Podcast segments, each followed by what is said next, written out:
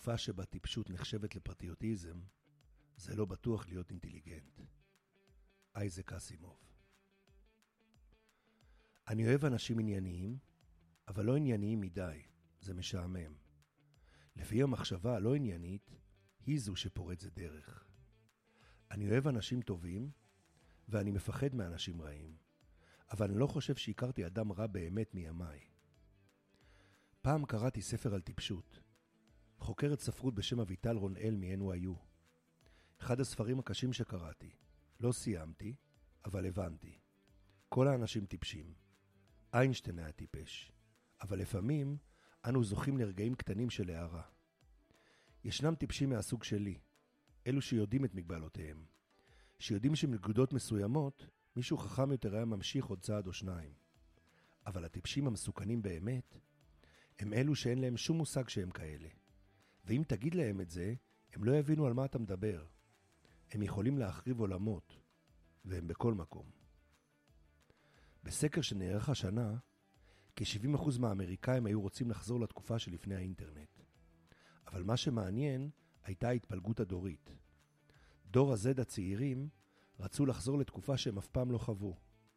זה מראה שבגלל שכל הזמן אומרים להם שהם דור דפוק בתקופה דפוקה, אז הם הפנימו את זה. זה לא טוב.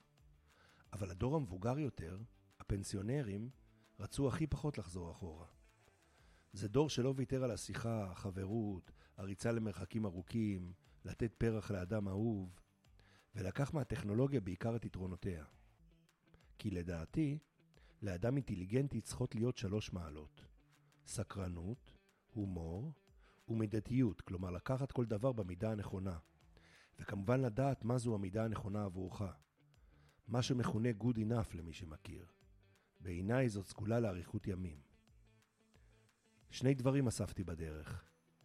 מג'ון לנון שכל מה שצריך זו אהבה, ומהרבי נחמן שהעיקר זה לא להתפחד כלל. זה אולי נשמע כמו בולשיט בשקל, אבל זו העצה הכי פרקטית שאני יכול לתת למצב העכשווי. מי שלא מפחד לא מתעסק בלנצח או בלהפסיד, ולכן לא יכול אף פעם להפסיד. והוא גם לא נעלב, לא נוקם ולא שונא, כי כידוע להיעלב או להיות מושפל, זו לגמרי הבחירה שלנו. ולחברי הכנסת, אני מאחל לכם שיאהבו אתכם עד הסוף, בלב, שיחבקו אתכם, שיחשקו בכם כל יום.